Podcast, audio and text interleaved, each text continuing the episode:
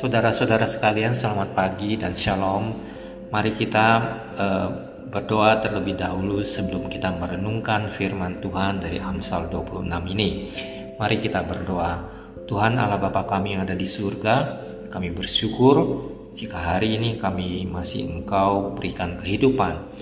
Saat ini kami rindu biar hikmat-Mu menyertai kami dan menerangi hati kami sehingga kami bisa mengerti apa yang engkau kehendaki melalui pembacaan Amsal 26 ini. Dengar doa kami ya Tuhan. Amin. Saudara-saudara sekalian, keseluruhan Amsal 26 ini terdiri dari 28 ayat. Memang agak panjang, tetapi banyak sekali kata-kata bijak di dalamnya yang dapat menjadi perenungan, perenungan kita. Meskipun secara keseluruhan terdiri dari tiga hal yang sangat penting dalam kehidupan kita sebagai manusia yang dapat kita ambil hikmatnya yaitu gambaran tentang orang bebal dan orang bijak serta gambaran tentang orang pemalas. Oleh karena itu, meskipun cukup panjang, saya juga rindu dan ingin mengajak saudara-saudara sekalian membacanya sekali, kemudian kita akan merenungkannya karena tidak mungkin kita dapat merenungkannya jika kita tidak membaca terlebih dahulu keseluruhan ayatnya. Mari saya ajak saudara-saudara sekalian membuka Alkitab dan kita membaca Amsal 26 ini bersama-sama. Kita membacanya. Seperti salju di musim panas dan hujan pada waktu panen, demikian kehormatan pun tidak layak bagi orang bebal seperti burung pipit mengirap dan burung layang-layang terbang. Demikianlah kutuk tanpa alasan tidak akan kena. Cemeti adalah untuk kuda, kekang untuk keledai, dan pentung untuk punggung orang bebal.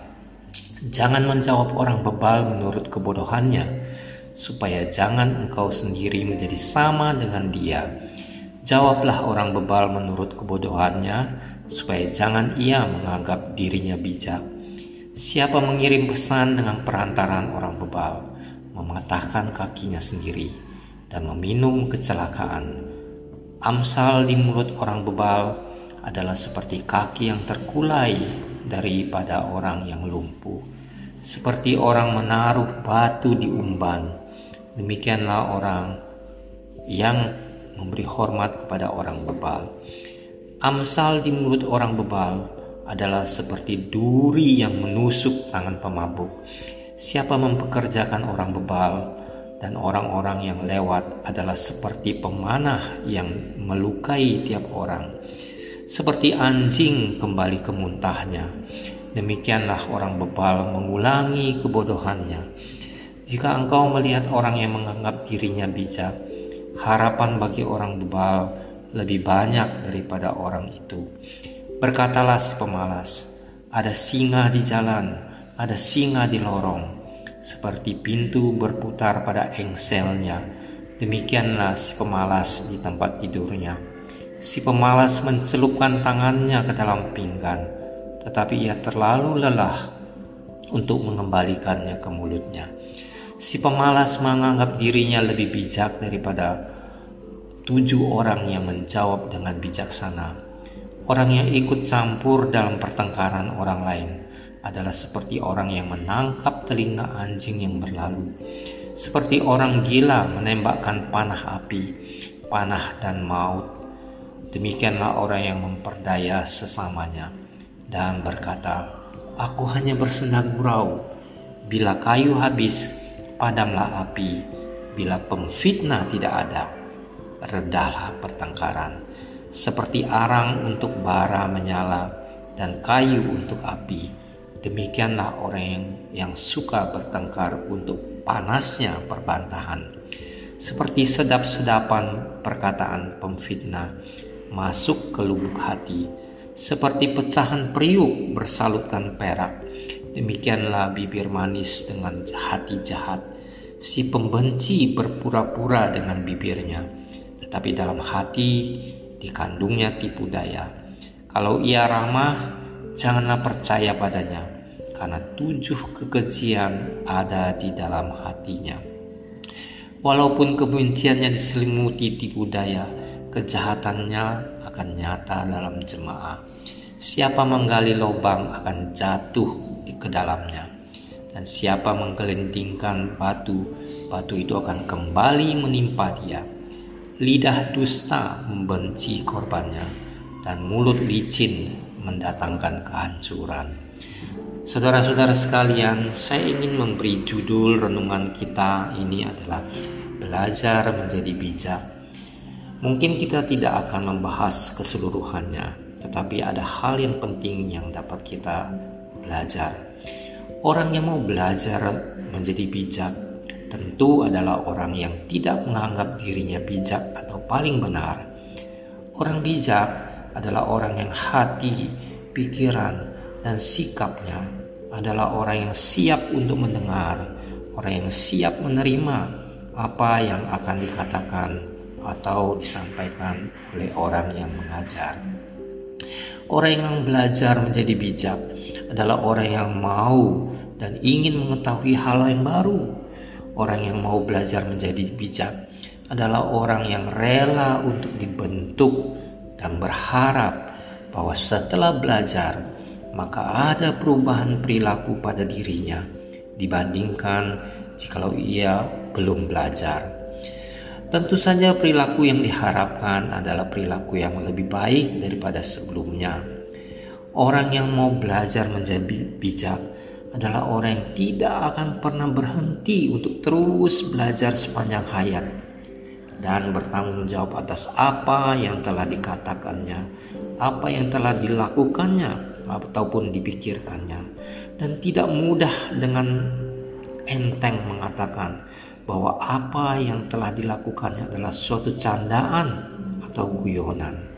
Saudara-saudara sekalian, melalui pasal 26 ini Penulis Amsal ini ingin memberikan suatu gambaran bagaimana orang yang tidak mau belajar bijak, orang yang bebal, orang yang malas, dan yang tidak mau berubah.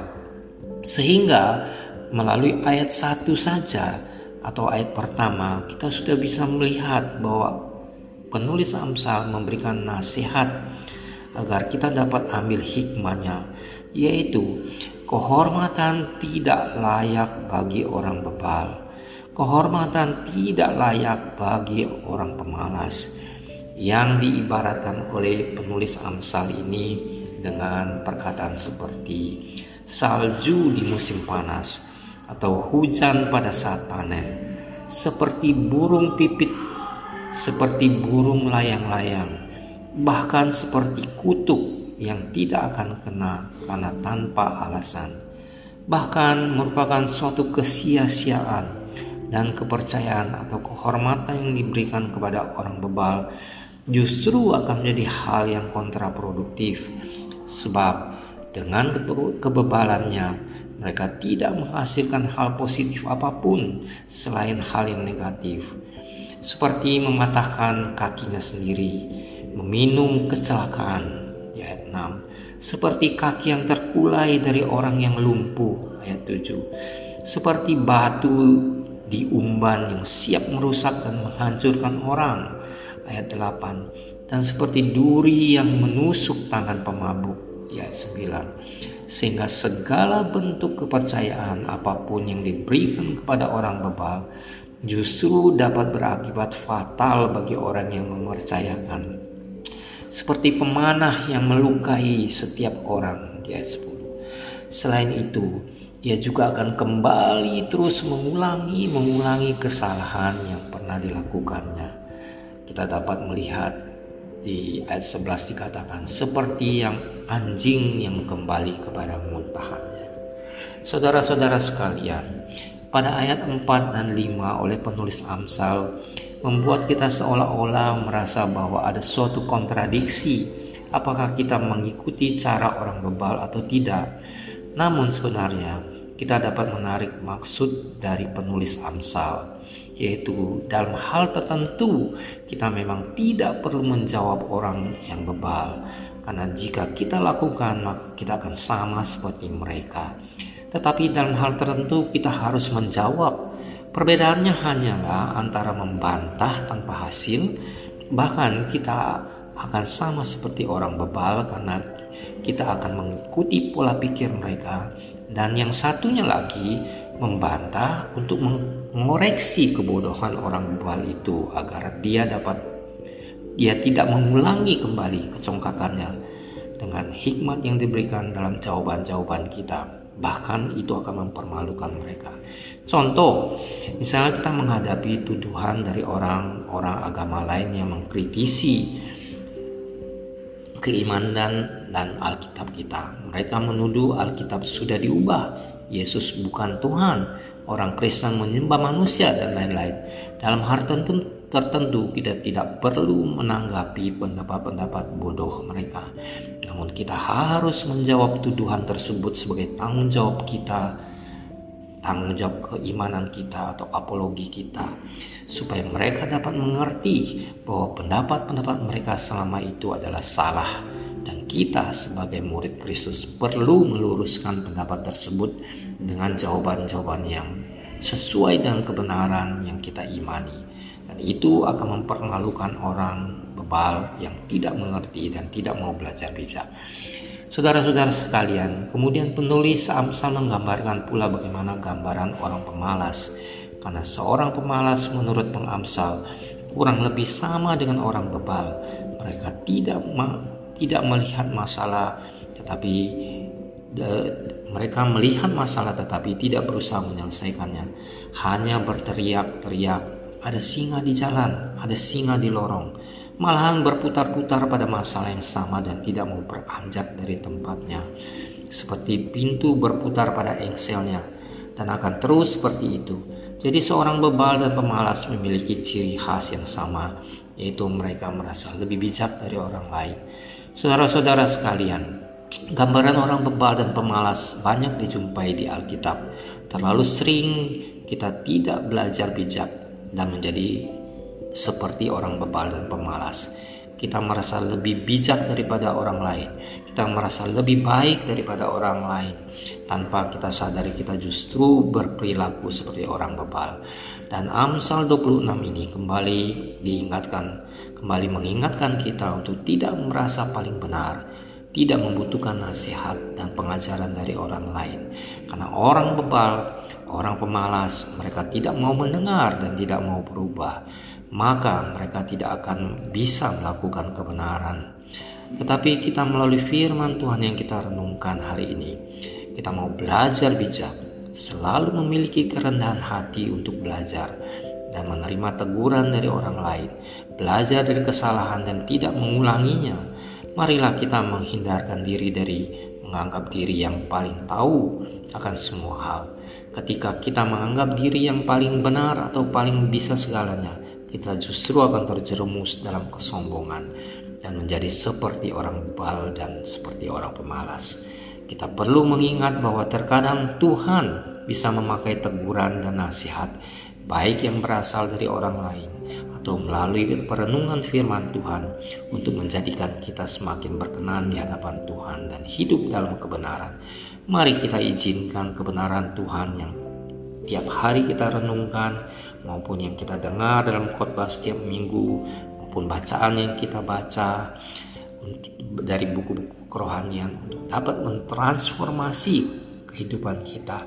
Kiranya Roh Kudus menerangi hati kita untuk dapat selalu rendah hati dan terus belajar bijak untuk dapat melakukan kebenaran Tuhan dalam kehidupan sehari-hari.